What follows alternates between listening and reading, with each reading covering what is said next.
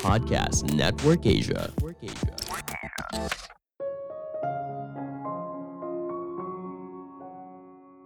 Kita tidak dikelilingi oleh orang bodoh, kita hanya tidak tahu cara berkomunikasi yang baik. Halo semuanya, nama saya Michael. Selamat datang di podcast saya, Sikutu Buku. Kali ini saya akan bahas buku Surrounded by Idiots karya Thomas Erikson. Sebagai informasi, podcast Sekutu Buku sekarang bergabung dengan Podcast Network Asia dan Podmetrics loh. Sebelum kita mulai, buat kalian yang mau support podcast ini agar terus berkarya, caranya gampang banget kalian cukup klik follow. Dukungan kalian membantu banget supaya kita bisa rutin posting dan bersama-sama belajar di podcast ini. Buku ini membahas bagaimana cara berkomunikasi dengan tipe orang yang berbeda. Apakah kamu pernah merasa kesulitan ketika berinteraksi dengan orang lain? Perlu kamu sadari, orang yang berbeda membutuhkan teknik komunikasi yang berbeda. Dengan memahami perilaku seorang, maka kamu akan lebih mudah menjalin kerjasama. Saya merangkumnya menjadi tiga hal penting dari buku ini. Pertama, alasan sulit memahami orang lain.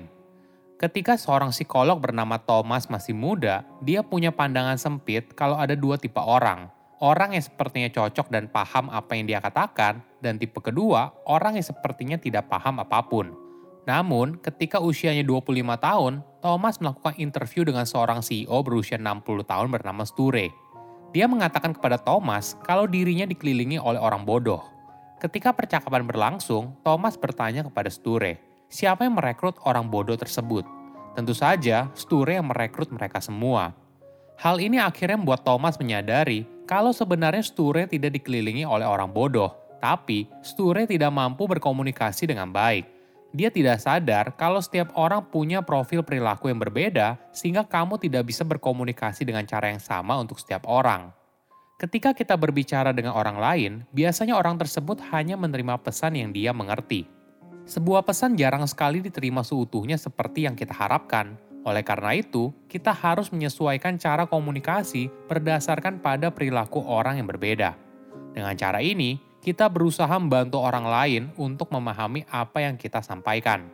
Apakah harus begitu? Tentu saja, apabila kamu ingin menciptakan komunikasi efektif, kamu perlu beradaptasi. Hanya ketika kamu hanya sendirian saja atau berbicara dengan tipe orang yang sama denganmu, kamu merasa tidak perlu beradaptasi.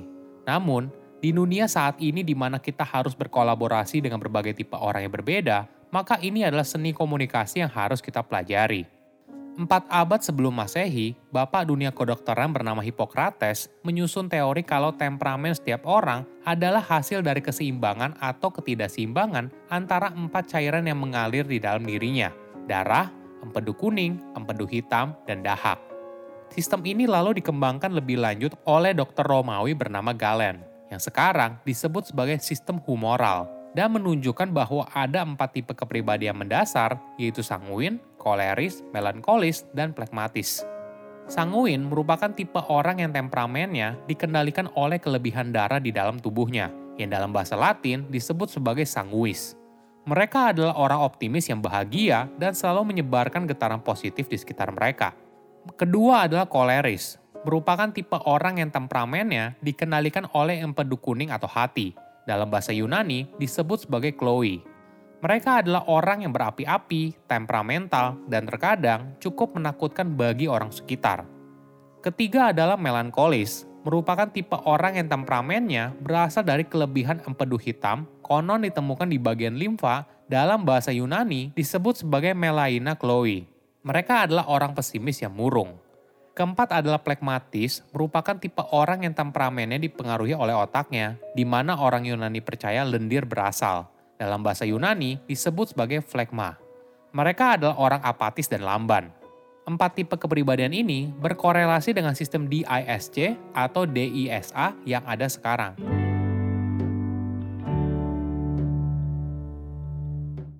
Kedua, empat tipe perilaku manusia. Ada fakta yang menarik.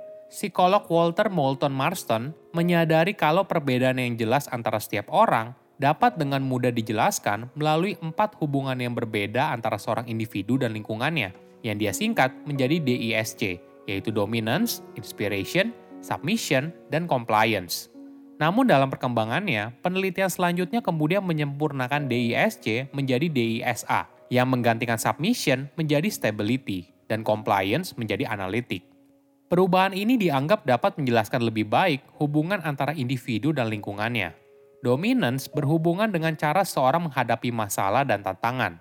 Inspiration berhubungan dengan mempengaruhi dan meyakinkan seorang untuk melakukan sesuatu. Stability bicara soal bagaimana seorang melihat sebuah perubahan, apakah sulit menerima atau malah lebih petualang. Terakhir adalah analitik, bagaimana seorang mengikuti peraturan dan regulasi.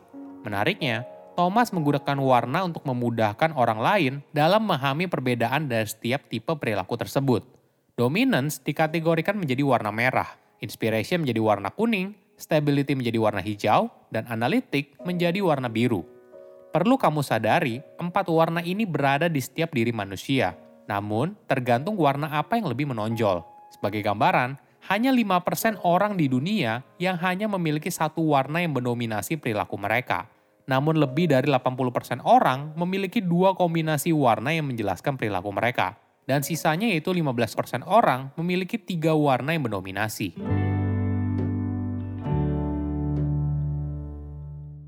Ketiga, tips berkomunikasi dengan efektif.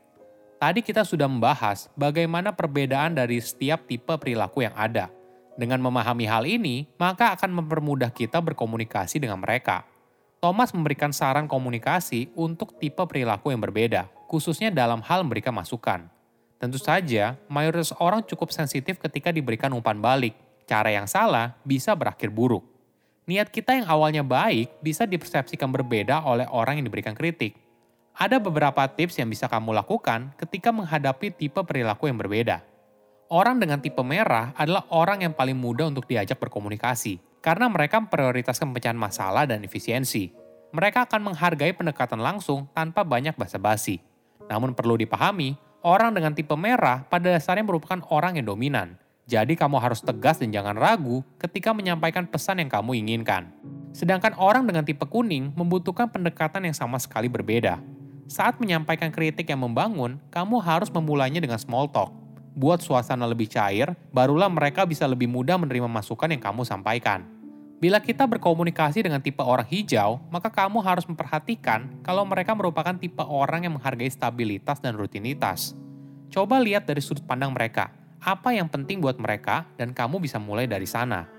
Terakhir, ketika kamu berkomunikasi dengan tipe orang biru, maka kamu harus menyadari kalau mereka merupakan tipe orang yang detail dan perfeksionis. Hal ini mungkin buat kesal orang dengan tipe lain, namun hal ini menandakan betapa besar kepedulian mereka dengan pekerjaan tersebut. Seringkali kita mudah untuk mengambil kesimpulan kalau kita dikelilingi oleh orang bodoh. Namun seperti yang tadi dijelaskan, hal ini terjadi karena hasil dari kesalahpahaman tipe perilaku orang lain. Tetapi, begitu kita mencurahkan waktu untuk memahami bagaimana orang lain berkomunikasi dan proses informasi, kita dapat menjernihkan kesalahan persepsi tersebut. Langkah pertamanya yaitu mengidentifikasikan empat tipe perilaku manusia utama yang dikategorikan berdasarkan warna dan sifatnya. Warna merah dikenal dominan dan ambisius, sedangkan orang dengan tipe warna kuning cenderung ceria, suka bicara, dan positif. Sebaliknya, Orang dengan tipe warna hijau cenderung pendiam, analitis, dan prioritaskan kondisi yang stabil di atas segalanya. Mereka memiliki banyak kesamaan dengan tipe perilaku yang terakhir, yaitu orang dengan tipe biru yang cenderung pendiam, introspektif, dan berorientasi pada detail. Bahkan, mereka cenderung ke arah pandangan dunia yang pesimis. Memahami bagaimana setiap tipe warna berpikir dapat membantu kita berkolaborasi dan berkomunikasi secara efektif. Ketika kita merasa orang lain tidak memahami apa yang kita katakan, bukan berarti mereka bodoh. Namun, mungkin saja cara komunikasi yang kita sampaikan tidak sesuai dengan perilaku mereka. Saya undur diri, jangan lupa follow podcast Sikutu Buku. Bye-bye. Pandangan dan opini yang disampaikan oleh kreator podcast, host, dan tamu tidak mencerminkan kebijakan resmi dan bagian dari podcast Network Asia. Setiap konten yang disampaikan mereka di dalam podcast adalah opini mereka sendiri dan tidak bermaksud untuk merugikan agama, grup etnik, perkumpulan, organisasi, perusahaan, perorangan, atau siapa pun dan apa pun.